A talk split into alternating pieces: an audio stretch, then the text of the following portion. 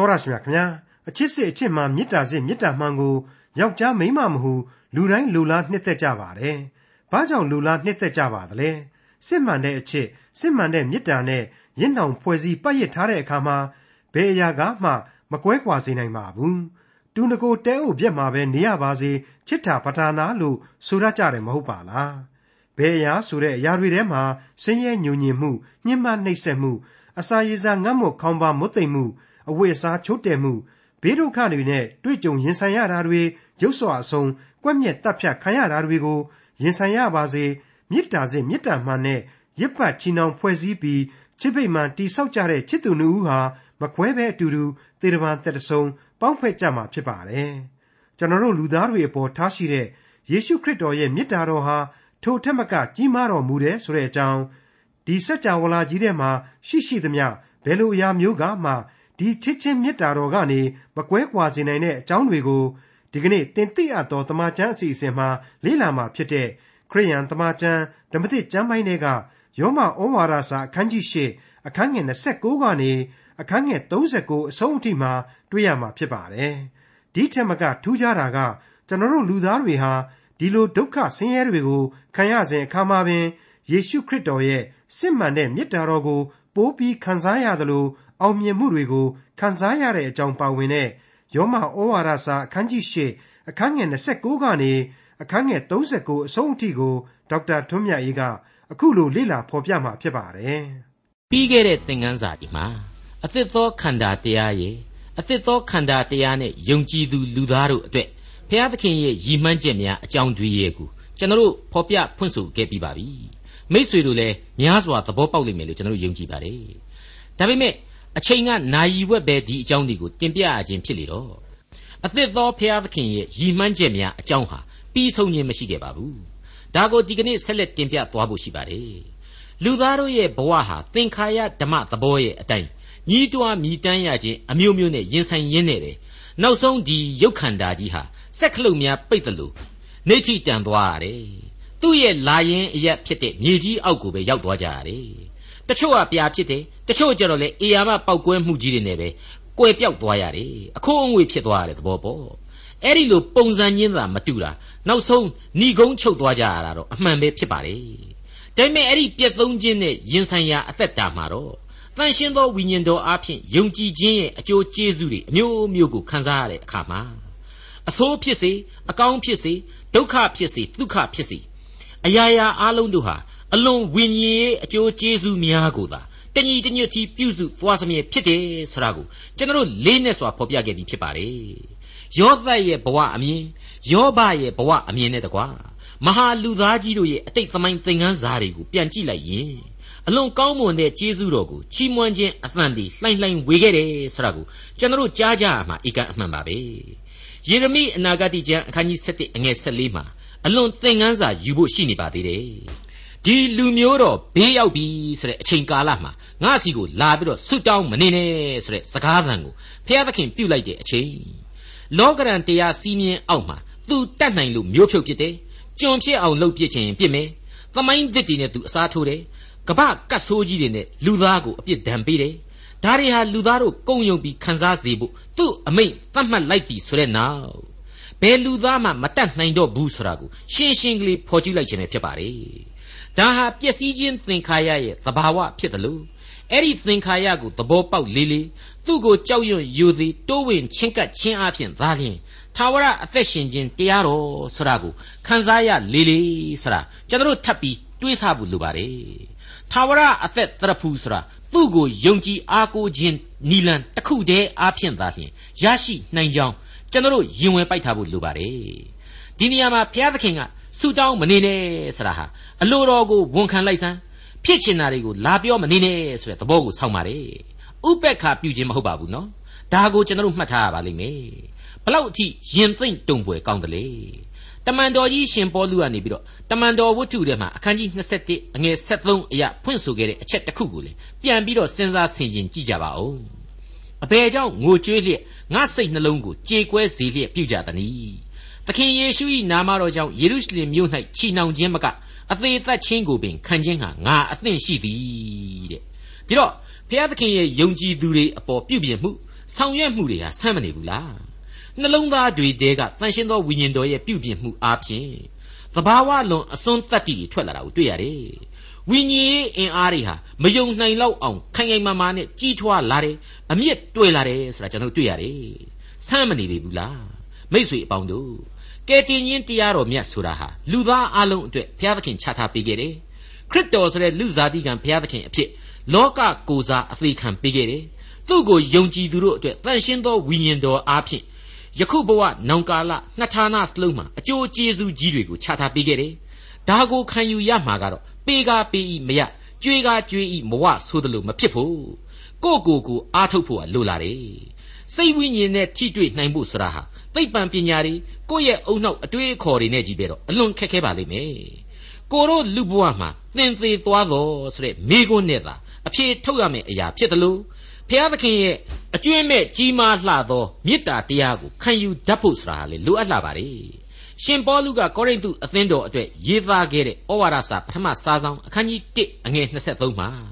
ဖျားသခင်ရဲ့ကားတိုင်းတော်ကနေပေါ်ထွန်းတဲ့အသေးခံခြင်းမေတ္တာတော်ဆိုတာဟာ ယုံကြည်သူတွေအတွက်ကတော့မဟာကျေးဇူးတော်ကြီးဖြစ်ပေမဲ့လက်မခံသူယုဒတွေအတွက်ကတော့ထိမိ၍လဲเสียဖြစ်ရသလို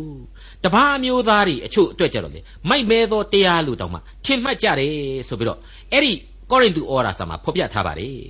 အဲ့ဒီတော့ဂျူးဖြစ်စေအိန္ဒိယလူမျိုးဖြစ်စေဂျပန်ဖြစ်စေတရုတ်ဖြစ်စေအနောက်နိုင်ငံသားဖြစ်စေကပ္ပလီဖြစ်စေယုံကြည်ခြင်းရှိပြီဆိုရင်တော့အခုကျွန်တော်တို့ဖော်ပြခဲ့တဲ့အတိုင်းပဲအသစ်သောခန္ဓာတရားကိုခန်းစားထိတွေ့ရမယ် အသစ်သောဘုရားသခင်ရဲ့ပြုပြင်မှုကိုခံကိုခံစားရကြလိမ့်မယ်ဒီအချက်တွေဟာဘုရားသခင်ကိုယုံကြည်အားကိုးသူနဲ့မယုံကြည်မကိုးကွယ်သူတို့ရဲ့အလွန်ကွာဟခြားနားနေတဲ့အချက်ကြီးတစ်ခုကိုသိသာထင်ရှားအောင်မိမောင်းထိုးပြလိုက်တဲ့အချက်ကြီးပါပဲအဲ့ဒီမေတ္တာတော်အနန္တအကြောင်းဟာလေအလေးနဲ့စဉ်းစားလေလေးနဲ့လေလေဖြစ်လာရသလိုကိုယ့်ဘက်ကဖြစ်တဲ့လူအနေနဲ့မဆန့်ရင်ကခွန်အားကြီးတွေစိုက်ထုတ်เสียမလို့တဲ့မဟာကျေးဇူးတော်ဖြစ်တယ်ဆိုတာကိုလည်းကျွန်တော်တို့ဆက်လက်ပြီးတွေ့လာရပါတယ် ဘာဖြစ်လို့လဲဆိုရင်ယုံကြည်သူတွေအတွက်တန်ရှင်းသောဝိညာဉ်တော်ဟာစောင့်ထိန်လမ်းပြနေတယ်လို့ဆိုထားတယ်မဟုတ်ဘူးလားဥပမာလူသားဟာဘာတော်ဝါလေအပြစ်ဇာတိပတိလွှမ်းမိုးတဲ့တော်ဝါဒီတော့အပြစ်လောကမှအပြစ်လောကသာပြီးပြီးလောကယနံလေးကိုပဲရှူပြီးတော့ရှင်သန်ဖို့ပဲရှိတယ်ကိုဟာအပြစ်သားဆိုတဲ့ဘဝကိုခံယူပြီးနေုံပဲရှိတယ်ဘာမှမတတ်နိုင်ဘူးဒါပေမဲ့ဘုရားသခင်ကအဲ့ဒီအပြစ်လောကသားကိုဖန်ဆင်းထားခြင်းဖြစ်တယ်ပြီးတော့ချစ်တယ်ကဲတင်တော်မူတယ်ဆိုတဲ့အသည့်နဲ့ ဖျားသခင်ကိုအာကိုခိုလုံရမယ်ဆိုတဲ့အသိစိတ်မွေးလိုက်မယ်ဆိုရင်တော့ဒီနဲ့ဆိုင်တဲ့ကယ်တင်ခြင်းအမှုကြီးဟာအောင်မြင်စွာပေါ်ထွန်းပြီးတဲ့နောက်အောင်မြင်စွာပြီးဆုံးလွန်မြောက်သွားရမှာအမှန်ပဲလို့အဖြေထုတ်ယူလို့ရနိုင်ပါလေမိษွေအပေါင်းတို့ခမညာဖျားသခင်ကသာပေးတာကျွန်တော်တို့ကရယူနိုင်စွမ်းရှိရဲ့လားအခုယောမဩဝါဒစာအခန်းကြီး၈ဟာဖြင့်ရှေးခေတ်ဓမ္မပညာရှင်ကြီးတူဖြစ်သူဆေမီယန်ရဲ့အပြောအရာအချက်၃ချက်နဲ့ပြည့်ဝတဲ့ကြံကြီးပဲဖြစ်ပါလေဟုတ်ပါတယ် မာမာနကိုခွာချစေတဲ့ကြံပြီးတော့လူဗီဇအတွေးအခေါ်ကိုတော်လှန်ပေးတဲ့ကြံပြီးတော့နောက်ဆုံးအချက်ကတော့စိတ်ပြက်အားလျော့ခြင်းကိုပြေလျော့စေသောကြံတဲ့အဲ့ဒီအချက်သုံးခုစလုံးဟာကျွန်တော်လူဘဝမှာအရေးကြီးလိုအပ်လျက်ရှိနေပါပြီယောမဩဝါဒစာအခန်းကြီး၈အငယ်29မှ30ဖျားသခင်ဤသားတော်သည်အများသောညီတို့တွင်သားဦးဖြစ်တော်မူမည်အကြောင်းဖျားသခင်သည်ရှေးမဆွက သိတော်မူသောသူတို့ကိုသားတော်ဤပုံတရံနှင့်တညီဒီဖြစ်စေခြင်းဟာရှေးမဆွကခွဲကန့်မှတ်ထားတော်မူ၏ထို့သောခွဲကန့်မှတ်သားတော်မူနှင့်သောသူတို့ကိုခေါ်တော်မူ၏ခေါ်တော်မူသောသူတို့ကိုလည်းဖြောက်မတ်ရာ၌တည်စေတော်မူ၏ထို့သောတည်စေတော်မူသောသူတို့ကိုလည်းချီးမြှောက်တော်မူ၏အငယ်28မှာတုန်းကဖျားသခင်ချစ်သောသူဒီဟုသောကြံစီတော်မူခြင်းအတိုင်းခေါ်တော်မူသောသူတို့၏အကျိုးကို ခတ်သိမ်းသောအရာတို့သည်တညီတညွတ်တီပြုစုကြသည်ကိုငါတို့သိကြ၏လို့ဆိုထားတာကိုအခုကျမ်းဟာသေသေးချာချာဆက်သွယ်ပေးလိုက်ခြင်းပဲလို့ကျွန်တော်ခံယူပါတယ်ဟုတ်ပါတယ်ခေါ်တော်မူသောသူများသို့မဟုတ်ရွေးကောက်တော်မူသောသူများဟာခရစ်တော်၌တည်နေစေဖို့အတွက်ရှေးမဆွကလေးကစီရင်ခဲ့တယ်လို့ပေါလုဖော်ပြလိုက်ပါတယ်အဲ့ဒီလိုသူရွေးကောက်ခေါ်ယူတော်မူသောသူဆိုတာဟာသီးသန့်သူ့ရဲ့ရည်မှန်းချက်နဲ့ခေါ်ယူတာတွေရှိနိုင်တယ်လို့ ခရစ်တော်ကိုယုံကြည်လက်ခံသူမှန်သမျှတို့ကိုလေသူဟာအလိုလိုရွေးကောက်ခေါ်ယူခဲ့ပြီးဖြစ်တယ်ဆိုတာကိုသိထားဖို့ထပ်မံတင်ပြလိုက်ချင်ပါတယ်ရှင်လုကာခရစ်ဝင်ကျမ်းတဲ့အခန်းကြီး15မှာခရစ်တော်ဟာသိုးရင်းကြီးအဖြစ်သိုးစုတို့ကိုထိန်းချောင်းတယ်တကောင်ပျောက်ဆုံးတာအတွက်တောင်မှမရမနေပြန်လေရှာဖွေဆောင်ယူတယ်ဆိုတာကိုကျွန်တော်တို့တွေ့မြင်ခဲ့ရပြီးဖြစ်ပါတယ်အဲ့ဒီသဘောတရားဟာသူ့ကိုယုံကြည်လက်ခံသူတို့အဖို့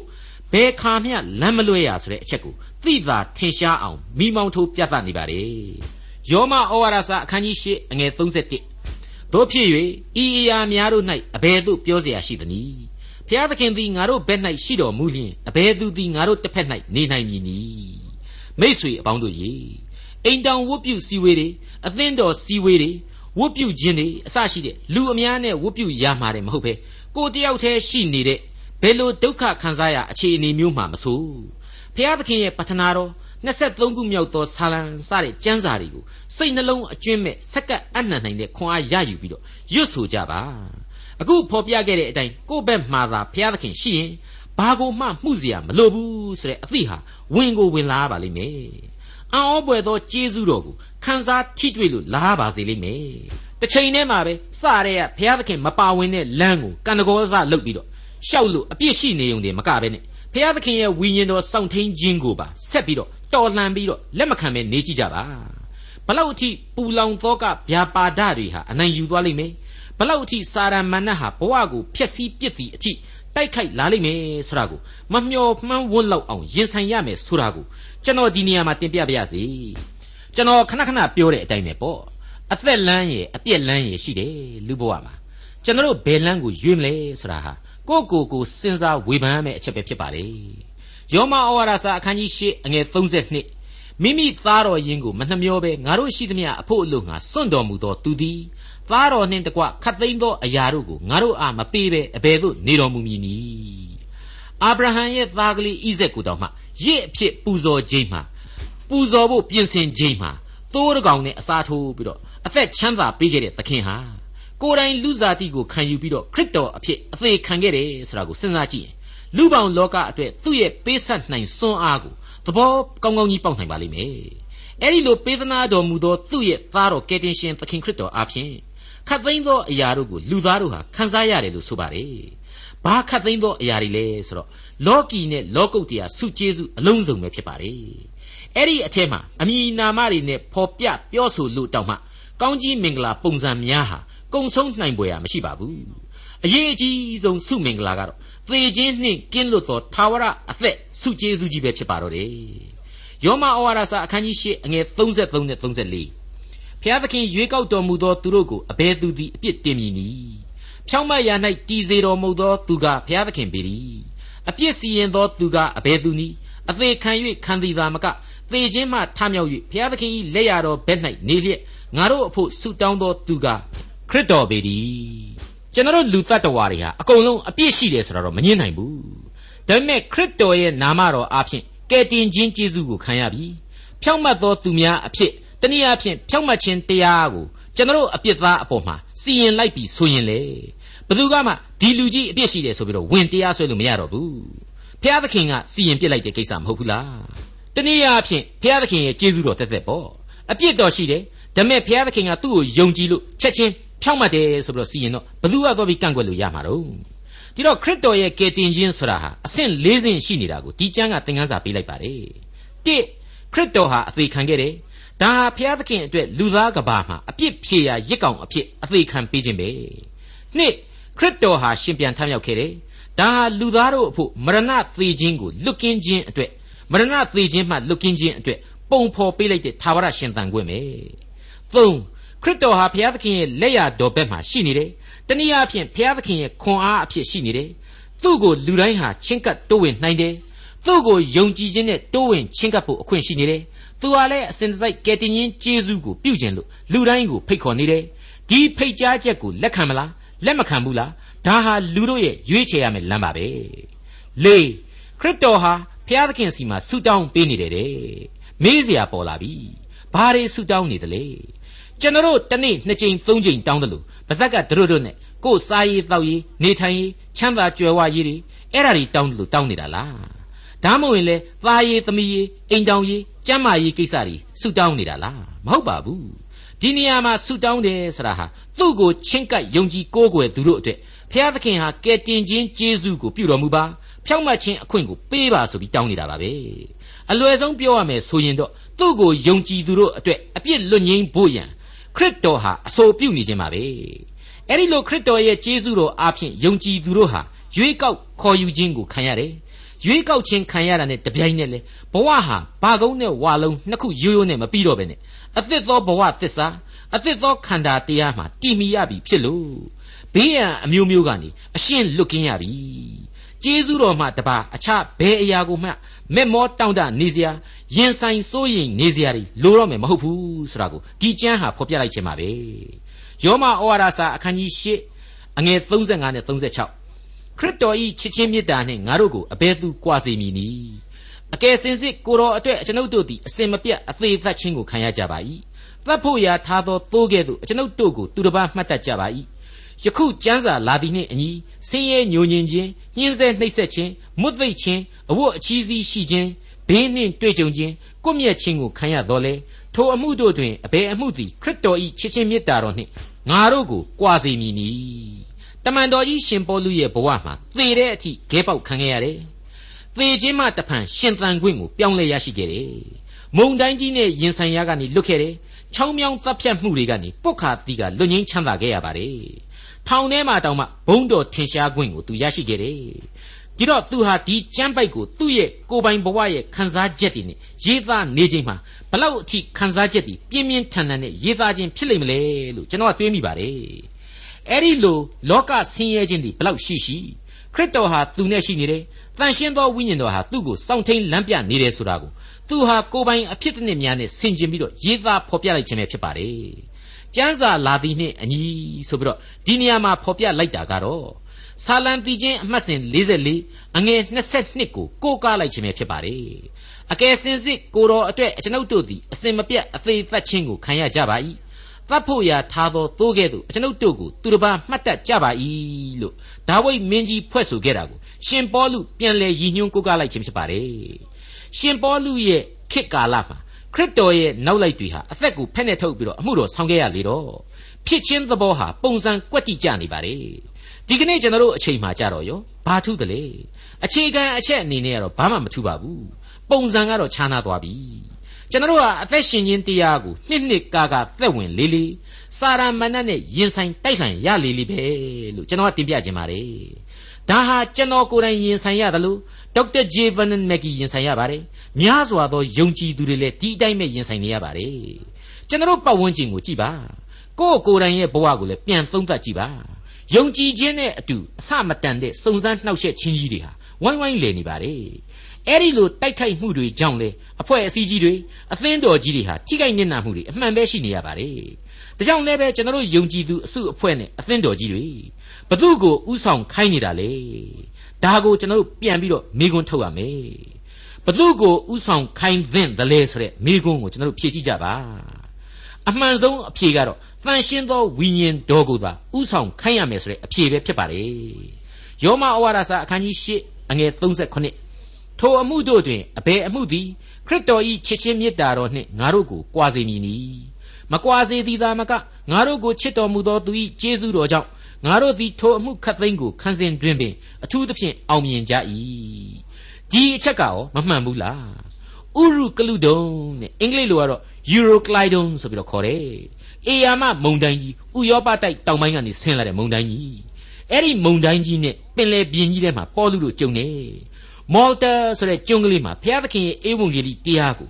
ဒီပေါ်လူဟာဒီမုန်တိုင်းကြောင့်ပဲတောင်တင်ပြီးတော့တက်သေးခံနိုင်ခဲ့တယ်ဒီဘေးအန္တရာယ်ကြားတွေကပဲဘုံတော်ကိုထင်ရှားစေနိုင်ခဲ့ပါတယ်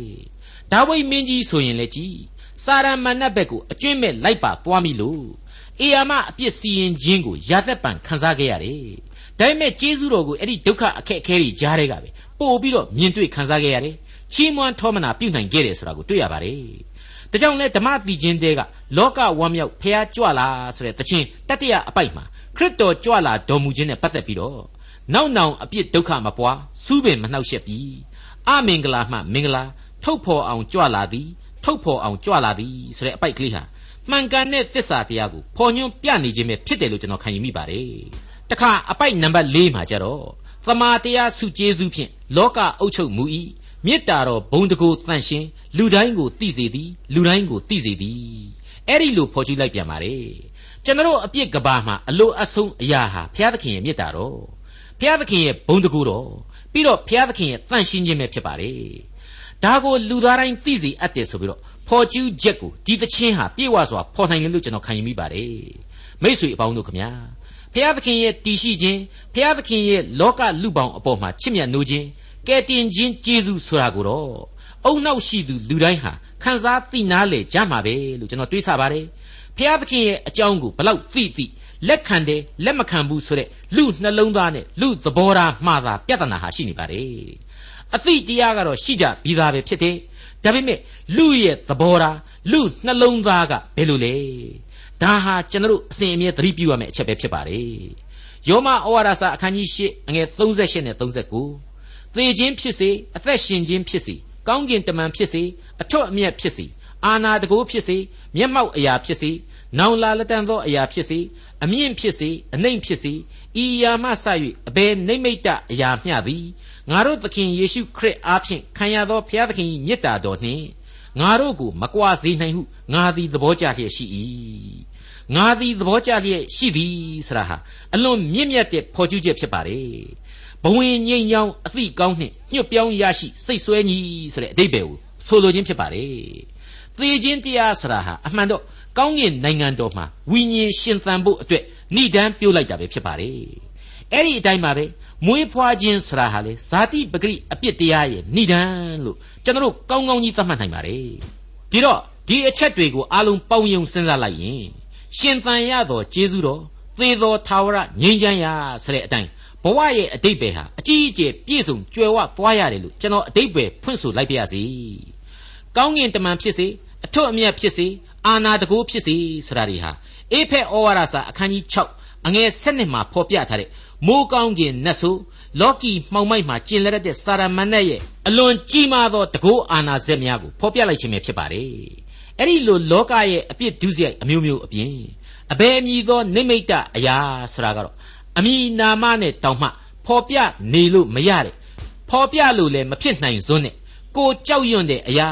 ကိုယ့်ကိုလွှမ်းမိုးနေတဲ့မကောင်းသောအရာအလုံးစုံဆိုပြီးတော့ဖော်ကျူးလိုက်ခြင်းပဲဖြစ်ပါတယ်